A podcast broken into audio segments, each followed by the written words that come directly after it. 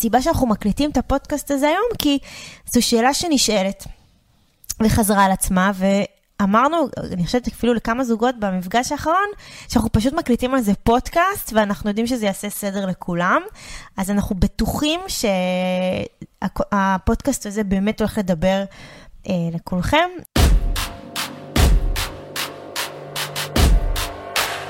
ברוכים הבאים למדברים השקעות עם עמית ואגר. היי, hey, כאן עמית ואגר. בפרק הזה תוכלו לשמוע הסבר מפורט על ההבדלים בין שלוש צורות ההשקעה הנפוצות בנדל"ן. מקווים שתמצאו עניין וערך בדברים. האזנה נעימה. שלום לכולם. היי. אהלן, שלום. חזרנו. מה שלומכם? אמ, אז אוקיי, היום אנחנו מקליטים פודקאסט מאוד מעניין, שהוא מדבר על ההבדל או מה עדיף בין אה, השקעות, אם זה מניבה, אם זה השבחה או אם זה עסקה, עסקה יזמית. אז אה, נתחיל? כן, בטח, בואו נתחיל. יופי. אז עוד פעם, הכותרת מדברת על מה עדיף, אוקיי? על סוגי השקעות. אז באמת שמנו לב שהרבה אנשים עושים בלבול, או שחסר להם איזשהו מידע באשר לשלוש הקטגוריות העיקריות של השקעות נדל"ן. עכשיו, אנחנו עושים הפרדה בין שלוש צורות ההשקעות. יש, אה, אנחנו נדבר עכשיו על השקעה אה, נדל"נית שיש בהם אה, עסקת נדל"ן מניבה, אוקיי? כולם בטח עכשיו אומרים, כן, אנחנו יודעים מה זה וכולי, יופי, אנחנו רק נרחיב על זה כמה מילים בשביל הסדר הטוב, כי אנחנו הולכים, הולכים לדבר על אה, שלוש אה, עסקאות שונות. אז עסקת הנדל"ן המניבה, לרוב זה מהיום הראשון להשקעה. אנחנו מצפים לתזרים או חודשי, או רבעוני, או שנתי של שכר דירה, למעשה מהדיירים ששוכרים את מתחם המגורים או את המתחם המסחרי שרכשנו. וכמובן, במודל שלנו, עם מודל בחירת שחקני אלפא, אנחנו תמיד נרכוש אה, מתחמים עם תזרים חיובי ושיעור תפוסה כזה שיבטיח אותו באמת מ-day one. עכשיו, אנחנו מצפים לקבל תזרים אה, בין 6 ל-9 אחוז נטו, וכן, אני מדברת לאחרי, לאחר מיסים אה, בארץ ובחו"ל, ולמעשה הוא מדבר על ההון העצמי שהשקענו, אוקיי? וזו למעשה עסקת הנדל"ן הבסיסית ביותר, הסולידית ביותר, הבטוחה ביותר למשקיעים, בהנחה כמובן שהיא נעשתה עם גורמי מקצוע טובים ומנוסים מאוד. וזו השקעה שממנה נוכל לתכנן צפי של תזרים חודשי או רבעוני, שיגיע אלינו כהכנסה פסיבית מלאה, והוא יכול ביום מן הימים למעשה לשחרר אותנו מהצורך לעבוד למחייתנו. כן, אז אני רק אה, פה אוסיף ואומר שהרעיון הוא פה שבאמת, למה אנחנו אומרים שהיא הכי בטוחה? כי זה, אנחנו רוכשים פורטפוליו של אה, נכסים או של בנייני מגורים, מקבצי דיורים, מולטי פמילי, איך שנקרא לזה, עם אנשים שעד היום שילמו שכר דירה לבעל בית אה, א', ומהיום שאנחנו רכשנו הם משלמים את שכר דירה אלינו, ולכן הסבירות או הסיכון שתהיה בעסקה הם, הם פוחתים, וה, והשכר דירה הזה אמור לייצר לנו את התזרים, שכמו שהגר אמרה בסוף הדברים שלה, ביום שזה יגיע לתזרים ה... רצוי, או זה שכיוונו אליו, אז הוא יכול באמת להיות כזה שיחליף אותנו, שיחליף לנו את הצורך אה, לנסוע אה, לעבודה ולהרוויח כסף מעבודה, ופה זה למעשה מהות המודל. אבל שוב, זאת העסקה הראשונה, זאת העסקה התזרימית. בסדר? זו, זו, זו ההשקעה המניבה. העסקה השנייה, אנחנו קוראים לה עסקת נדל"ן, עסקת השבחה. היא משביחה נכסים שאנחנו קנינו, אין ודאות שתהיה תשואה שוטפת, וגם אם תהיה תשואה במהלך העסקה, היא כנראה תהיה, מה שאנחנו קוראים קילוח דק, היא תהיה תשואה נמוכה. עיקר הכספים שיגיעו מדמי שכירות ישרתו, אחד, קרן וריבית, ששחקן האלפא שלנו ייקח בארץ היעד שבה אנחנו עושים את העסקה. ושאר הפרוצדורות והכספים שיושקעו כדי להשביח את הנכס. ורוב הרווח יגיע באקזיט במכירה. זו למעשה השקעת נדל"ן שאנחנו אה, מסבירים שהיא חיה בשני עולמות. אחד בהווה, כלומר יש כבר נכס קיים, ככל הנראה גם הוא מייצר תזרים, ואנחנו רוכשים פרה, אני חוזר למודל הרפת, אנחנו רוכשים פרה, היא בריאה, אבל היא לא הפרה הכי מניבה ברפת, אוקיי? היא לא הפרה המובילה בעדר, אבל זו פרה שיש לנו תוכנית, לשחקן האלפא שלנו יש תוכנית להשביח אותה כדי שהיא תהיה הפרה המניבה ברפת, ואז למעשה, למעשה בהווה יש פרה, היא חיה עם מניבה, תנובה כנראה לא, לא הכי גבוהה שאפשר לייצר ממנה. העולם השני של העסקה הזאת זה פרק זמן שלרוב ייקח בין שנה לשלוש שנים קדימה, שבה אנחנו, בפרק זמן הזה אנחנו יכולים לשער השערות, שכמובן מבוססות על הרבה משתנים, כמה תהיה שווה הפרה הזאת לאחר שנשביח אותה ונמכור אותה בעתיד הנראה לעין, כלומר תוך שנה עד שלוש שנים. עכשיו אני אתן דוגמה כדי להוריד את זה מעולם הפרות לעולם הנדל"ן. נאמר וקנינו באמצעות שחקן האלפא שלנו, כן? מקבץ אה, דירות, מקבץ בניינים שבו 100 דירות. בארצות הברית זה נקרא multi-family, אנחנו עושים דברים כאלה גם במקומות אחרים בעולם.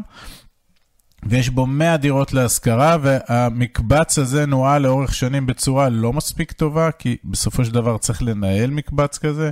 שיעור התפוסה בו עומד נגיד על 80 אחוז, כלומר יש 20 דירות או 20 אחוז מהדירות גם לא מייצרות תזרים וגם מייצרות הוצאות, כי צריך בסוף לתחזק אותם. ושכר הדירה ל-80 המשפחות באותו מקבץ כבר לא הועלה במשך 10 שנים. בסדר? וזה סך הכל מתחם מוזנח, דורש עבודות שיפוצים וכל הדברים האלה. זאת אומרת, יש פה לפחות שלושה אה, מעגלים שהשחקן האלפא שלנו, כמובן עם השחקן המקומי, יכולים להשביח את, ה, את הנכס. קודם כל, הוא יכול להעלות את התפוסה מ-80% לכיוון ה-100%, הוא יכול להעלות את שכר הדירה. שזה למעשה, ככל ששכר הדירה עולה, זה בסוף הנתון שייצר לנו את התשואה הגבוהה במכירה. זאת אומרת, בסוף אה, קונים תשואה, מי שיבוא לקנות מאיתנו, וכמובן המעגל השלישי זה באמת השבחה פיזית של המתחם, ולמעשה זאת עסקה שאנחנו קונים אותה, חב... קונים אותה כחבילה והיא מניבה כבר בעת הרכישה, אבל אבל, אבל אנחנו עושים שם עוד הרבה מאוד מהלכים כדי להגדיל את התשואה המצטברת, ואלו מהלכי ההשבחה שככל הנראה יתמשכו לרוב, אני אומר, עד שלוש שנים, שבסופם נחפש, כמובן שלא אנחנו, אלא שחקן האלפא או השחקן המקומי שעובד עם שחקן האלפא, נחפש גורם מוסדי או כל גורם אחר שירצה לקנות את המקבץ הזה במחיר גבוה. אה, אני לא אומר גבוה הרבה יותר, אבל גבוה מזה שאנחנו קנינו. ואז למעשה פה, בסופו של יום, אם, אם נעשה השוואה בין העסקה הזאת לעסקה המניבה, אז אנחנו מצפים בעסקת השבחה אחרי האקזיט לייצר תשואה גבוהה יותר על הכסף בחלוקה לשנים. זאת אומרת, אם נחלק את שתי העסקאות, שתי העסקאות, נאמר, גם הראשונה, נשאל את עצמנו במניבה כמה היא עשתה כל שנה, נגיד 7% נטו, ובעסקת ההשבחה, אחרי ארבע שנים, אחרי שנמכור אותה, נצפה לתשואה יותר גבוהה אם אנחנו נתכלל ונשקלל את כל השנים, ולכן התשואה תהיה פה אגב יותר גבוהה, כי היא צופה פני עתיד, זאת אומרת, יש פה סיכונים. אנחנו מסתכלים על העתיד, מצפים שהתשואה תהיה יותר גבוהה בגלל מהלכי השבחה, ולכן זה יגלם, הסיכון יגלם גם תשואה יותר גבוהה. זו העסקה השנייה, עסקת השבחה. יופי. ועכשיו על עסקת הנדל"ן היזמית. העסקה הזו אומרת למעשה שהמשקיעים הם לא מקבלים תשואה כלל במהלך, במהלך העסקה, אוקיי? אין כסף במהלך העסקה הזו, אבל יש צפי לרווח הרבה יותר גבוה על הכסף משתי העסקאות הקודמות שדיברנו עליהן. עכשיו, העסקה הזו כולה, אוקיי? כולה מבוססת על... אה, היא צופה למעשה פני עתיד. ואם נדבר באמת רגע על הסיכונים, אז אין ספק שכאן הסיכון הוא הרבה יותר גבוה מבין שלוש, שלוש העסקאות שלמעשה אנחנו מדברים עליהן עכשיו. עכשיו, אם ניקח דוגמה, אז uh, רכשנו קרקע, ואנחנו בונים עליו מקבץ, נאמר, של 100 אה, דירות uh, למגורים. בסוף אנחנו מוכרים את כל המתחם לבעלי עניין אחרים שמתעניינים בשטח, אז בעסקה הזאת קיימים למעשה הרבה יותר סיכונים משתי העסקאות הקודמות. למה? כל עיכוב, אוקיי, או כל אירוע בלתי מתוכנן שיכול לקרות בשלב כלשהו במהלך חיי העסקה, הוא משליך אוטומטית על קצב העסקה, על עמידה ביעדי התוכנית העסקית, ובקצה כמובן על התוצאות שלה. עכשיו, כיוון שהסיכון פה הוא הרבה יותר גבוה מעסקאות מניבות ומעסקאות השבחה, כאן אנחנו נצפה לתשואה הרבה יותר גבוהה, אוקיי? אמ, מאחר שתמיד יש, אה, כי פשוט חשוב לומר שיש תמיד טנגו, אוקיי? בין סיכון לתשואה ובכלל ולבין השקעות נדל"ן בפרט, אוקיי? זה תמיד הולך ביחד. כן. רק אני פה אומר, הסיכון הוא, הוא, הוא לא הרבה יותר גבוה מאחרות, הוא פשוט, יותר גבוה משתי העסקאות הראשונות, וכיוון שכך, אז אנחנו נצפה לתשואה יותר גבוהה, וזה הטנגו שהגר דיברה, בין סיכון לתשואה. יופי, אז יש לנו עסקה, עסקה מניבה, ויש לנו עסקת השבחה, ויש לנו עסקה יזמית, ופחות או יותר הבנו אה, את ההבדלים ביניהם, ואז אנחנו אה, מסתכלים על מודל הרפת שלנו, כי בסופו של יום, אה, תכף תבינו שאין פה עסקה טובה יותר או טובה פחות, יש פה כמה פרמטרים שצריך אה, להחליט עליהם לפני כל השקעה.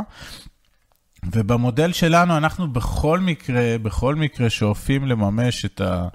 את הנכסים שלנו, כל אה, מה שנקרא דור נדל"ני, בערך בין 4 ל-6 שנים. זאת אומרת, גם העסקאות המניבות שדיברנו עליהן בהתחלה, גם אותן אנחנו נצפה ונרצה לממש, כי אנחנו נצפה לעליית ערך ש, שתהיה בהן. כדי להגדיל את ההון העצמי שלנו וכדי להשקיע אותו שוב, וכך אנחנו אה, אה, מייצרים לעצמנו עוד ועוד כסף, שאותו שוב אנחנו משקיעים ושוב הוא מייצר לנו הוא תזרים.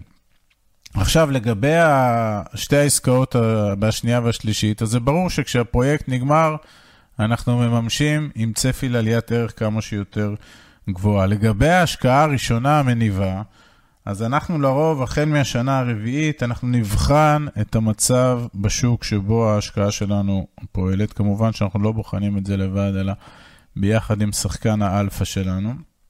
ונהיה עם יד על הדופק, האם להמשיך, פה, תה, פה יש דילמה, האם להחז... להמשיך ולהחזיק בנכס מניב שנגיד ומניב 7% נטו תשואה שנתית, או שמא הייתה עליית ערך בכל האזור של הנכסים, שכדאי לנו לממש גם את הנכסים האלה, ואז לייצר לעצמנו הגדלה בהון העצמי, ובהגדלה בהון העצמי הזאת, שיחזור הכסף הביתה, נוכל לחזור ולחפש עוד עסקאות, או מניבות, או יזמיות, או השבחה.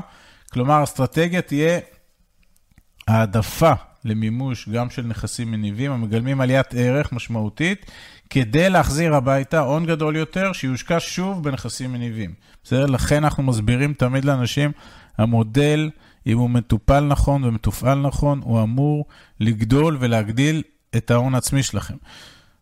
בגלל מה שאמרתי עכשיו, אנחנו תמיד נצפה, גם במניבה וגם בהשבחה וגם ביזמית, אנחנו נצפה תמיד לאקזיט עם הון עצמי גדול יותר, עם רווחים מעליית ערך, שזה תחום שהוא אה, מאוד בולט בנדל"ן, והשקעה נוספת של הסכום הגדול יותר שהחזרנו הביתה, וכך אנחנו הולכים וגדלים. עכשיו, אה, אחרי שהסברנו את שלוש העסקאות, אז אתם בטח אומרים לעצמכם, אוקיי, אוקיי, אז מה, מה עמית והגר אומרים שהיא למעשה ההשקעה הטובה ביותר, ולמעשה זה משהו שבאמת אנחנו שומעים הרבה. אז תראו, אין, אין תשובה ברורה מהי השקעה הטובה ביותר. השאלה שאתם צריכים לי, לשאול את עצמכם היא איזו השקעה נכונה לנו ביותר, כי, כי אתם יודעים שכל בן אדם יש לו נקודת פתיחה שונה מאחר. עכשיו, התשובה, אם אנחנו נתייחס לאיזו השקעה נכונה לנו ב- ביותר, היא נגזרת ממספר משתנים. עכשיו אתם צריכים לשאול את עצמכם שאלה ראשונה, מהי מטרת ההשקעה, אוקיי? שתיים, עד כמה אנחנו אוהבי או שונאי סיכון? ושלוש, באיזו שיטה מבצעים את ההשקעה. עכשיו, אנחנו נספר לכם איך אנחנו בוחרים באיזה צורה, אה, צורת השקעה להשקיע. אה, עכשיו אני מזכירה שאנחנו מדברים על מודל הרפת שמייצר תזרים שוטף, שלמעשה יכול להביא אותנו לרמת חיים טובה יותר, ואף, אה, כאילו, אתם יודעים, החזון הגדול זה של לעבור ל, ל, לחיות על הכנסות פסיביות, שהכל מסתמך על המודל. עכשיו, ניתן להבין שאנחנו נבחר רק בהשקעות מניבות מסעיף אחד, אבל האמת שאנחנו מקפידים לייצר תמהיל של השקעות משלוש העסקאות, גם ממניבה, גם מהשבחה וגם מיזמית. ואנחנו שומעים הרבה אנשים שעוקבים אחרינו ולמעשה מגיעים לכנסים עם השחקנים ומופתעים, במרכאות כפולות, מהצעות להשקעה בעסקאות השבחה ועסקאות יזמיות שלמעשה חורגות מהמודל שלנו. כאילו חורגות. כן. הם, למה הן כאילו חורגות? כי יש הרבה אנשים ששומעים את החומרים שלנו וחושבים שאנחנו רק הולכים על עסקה מניבה מ-day one כדי לייצר תזרים. אז פה אנחנו צריכים לחדד את הסיפור, כי הסוגיה שהיא, אה, כמו שנאמר פה, היא מאוד מאוד רלוונטית לכל אחד בנפרד, ומה שנקרא לכל כל, כל זוג וכל יחיד שנכנס לעולם כזה, צריך לשאול את עצמו את השאלות של באמת, מה, מה, מה מטרת הכסף, האם הוא רוצה לייצר תזרים כבר מההון הקיים, או שהוא רוצה להגדיל הון, בסדר? ולכן אנחנו שואלים, תמיד מי שעולה איתנו לפגישות, אנחנו שואלים שתי שאלות המפתח, זה כמה ומתי, כמה הכנסה פסיבית רוצים לייצר, מה הסכום ומתי רוצים שזה יקרה, כי איך, איך אומרים, יש לזה תג מחיר. זה לא קורה מ... מקסם, זה קורה מהון שמושקע וגדל וגדל וגדל, וזה לוקח זמן. ואז, לפי ההכנסה הפסיבית שהם רוצים להרוויח מהמודל, ומתי הם רוצים להגיע ליד הזה, בסיס התשובות האלה, אנחנו נדע לתת להם מתווה ותוכנית איך לעמוד בתוכנית ובתוכנית שלהם, וכאן למעשה תתחיל החשיבה המשותפת שלהם ושלנו, באיזה השקעות לשים את הכסף, האם במניבה, האם בהשבחה, האם ביזמית, וכמובן אל מול הסיכון והסיכוי שלהם, כמו שנאמר, עד כמה הם אוהבים סיכון או שונאי סיכון. עכשיו אני אתן דוגמה. בואו ניקח את זה עכשיו לדוגמה דוגמה אמיתית. זוג שרוצה הכנסה פסיבית של 20,000 שקל, תוך 6 שנים, אנחנו אומרים שהוא יצטרך, בשביל ה-20,000 שקל, לפי המודל של ה-7% נטו, הוא יצטרך להשקיע כשלושה וחצי מיליון שקלים ב-X השקעות, שכמובן בפיזור, אתם יודעים שאנחנו מאמינים גדולים בפיזור, והתשואה שתיוצר ממנו, התזרימית, תהיה 7%, זה 20,000 שקל. כלומר, הם צריכים לראות, אם אין להם היום 3.5 מיליון שקלים, הם צריכים לראות איך הם מגדילים את ההון הקיים ברשותם תוך 6 שנים לכדי 3.5 מיליון שקלים. זאת המשימה שלהם. בסדר? עכשיו, אם יש זוג עם שלושה וחצי מיליון שקלים היום, הוא הולך, עושה 6, 7, 8 השקעות במודל שלנו, אין שום סיבה בעולם, שאגב, רובן ככל הנראה תהיינה מניבות, בסדר? הן תהיינה מניבות, ואין שום סיבה בעולם שמי שבא עם, עם השלושה וחצי מיליון שקלים, הוא לא יביא את ה-20 אלף שקל תוך פחות משנה מהיום. זה, זה הקל. עכשיו, זוג שיש לו פחות, נגיד זוג ש... אה, יש לו רק 2 מיליון שקלים נזילים, הוא צריך לבחון איזה השקעות הכי נכונות לו כדי להגדיל את ההון העצמי שלו. אמרנו, הוא רוצה 20 אה, אלף שקל תוך 6 שנים, בסדר?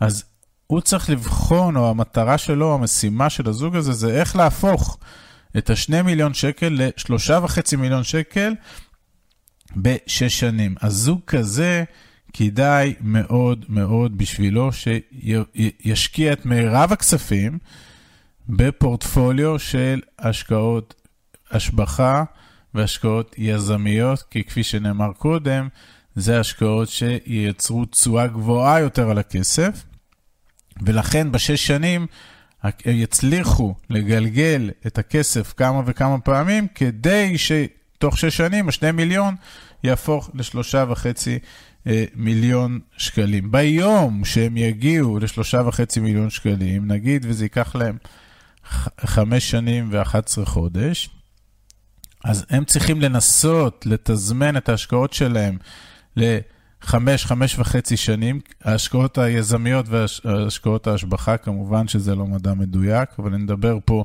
כדי לתת איזשהו אה, קנה מידה.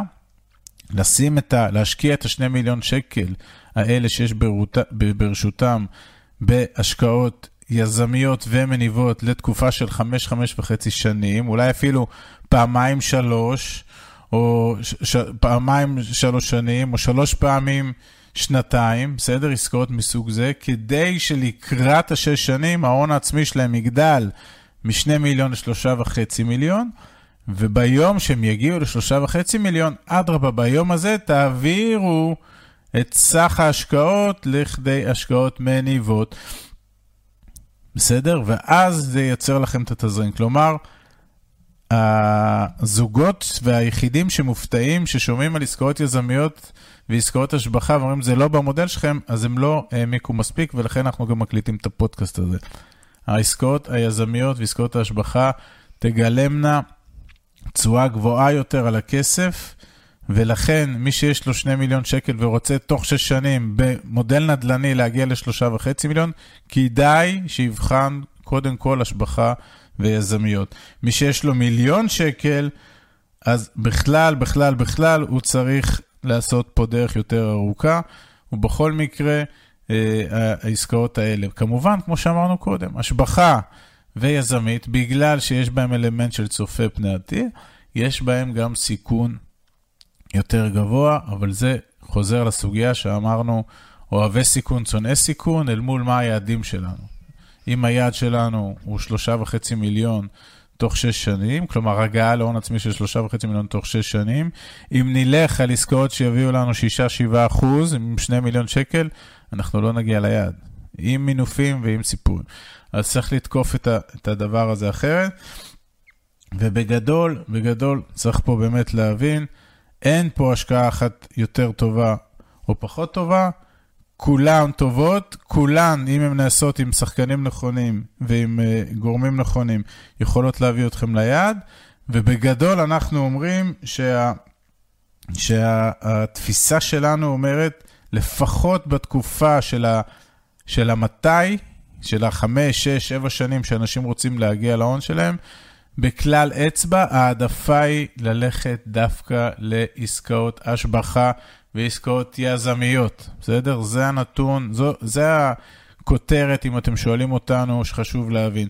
ביום שנגיע, או ביום שתגיעו להון עצמי שה-7% שלו, תזרים, ה-7% שלו, זה הסכום שאתם רוצים הכנסה פסיבית חודשית, אז צריך לעשות הסטה בפורטפוליו ולהעביר את רוב הפורטפוליו לעסקאות מניבות, בסדר?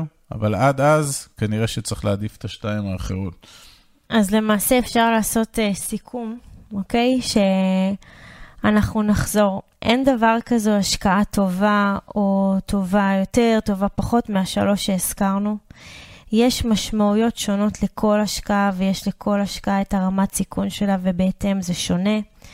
אנחנו רוצים שתכירו את שלוש העסקאות האלה וההשקעות האלה. אנחנו רוצים שתבינו בכל אחת את העוצמות ואת החולשות שלה, ואתם תבחרו איפה להשקיע כחלק מהאסטרטגיה ותוכנית ברורה, אוקיי? וכמובן לכל עסקה ולכל השקעה יש את המטרות שלה, הברורות. ואנחנו גם רוצים שתזכרו שאם אתם הולכים במודל שלנו, זה חייב להיות עם שחקנים חזקים, ותיקים ומנוסים, שבחרנו אותם בקפידה, שזה מבוסס על המודל בחירת שחקני אלפא שלנו, ואם מישהו במקרה, במקרה לא שמע, אז כמובן שהוא יכול למצוא את זה ביוטיוב שלנו. יש לך עוד איזה סיכום שאתה רוצה לעשות? לא, נראה לי שהמסר עבר. יופי, אז אה, אני מרגישה ממש טוב עם הפודקאסט הזה, כי אני יודעת שהוא יעשה להרבה אנשים סדר, כי אנחנו מקבלים את התגובות האלה הרבה מהאנשים ששומעים את החומרים ואומרים, וואו, זה בדיוק מה שהייתי צריך, וזה עושה לי closure, ועכשיו אני מבין יותר טוב. אז עוד פעם, מי שרוצה מאיתנו משהו נוסף, תמשיכו לשלוח לנו בקשות ושאלות, אנחנו... אנחנו לא בוטים, אנחנו עונים. כן, לא שאלו אותה. היו כמה שחשבו שאנחנו רובוט, לא בגלל המהירות שענינו. כן, אנחנו מגיבים מהר ואנחנו עונים לכולם ואין פה שום בוט ותרגישו חופשי אה, להמשיך לפנות אלינו. אה, מסלול הפרה הראשונה זה מסלול להיט, מי שעוד לא הכיר מוזמן אה, גם דרך האתר או דרך יוטיוב או דרך פודקאסטים. מסלול מהיר וקצר ישירות אלינו, פתחנו סלוטים ייעודיים בשביל זה. הכנסים באמת תודה שאתם מגיעים, איזה כיף שנוצרת כזאת קהילה שלומדת, וה-QA, וכולם שואלים שאלות, ורמת הידע עולה, והנה, זה מוכיח שוב פעם שאנחנו מצליחים להעביר את הערך שרצינו. תמשיכו לעקוב אחרינו ברשתות, אנחנו ביוטיוב, אנחנו באינסטגרם, באתר שלנו, בפייסבוק.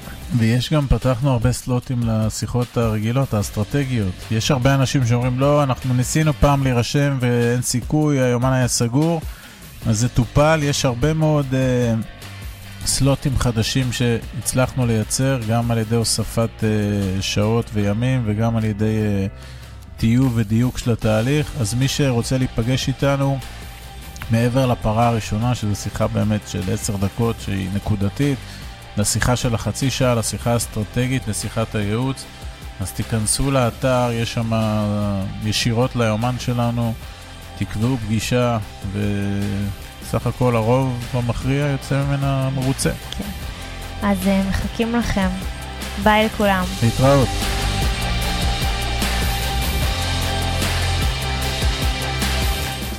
עד כאן להפעם. כרגיל, שמחנו לשתף בידע ובניסיון שלנו, מקווים שנתרמתם. מי שממש רוצה להכיר ולהיחשף להזדמנויות ההשקעה בהן אנחנו משקיעים, מוזמן לאתר שלנו, תוכלו למצוא הכל שם.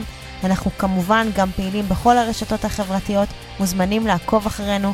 אם אתם מכירים אנשים נוספים שהתכנים שלנו יכולים לסייע להם, נודה לכם מאוד אם תשתפו אותם. להתראות חברים.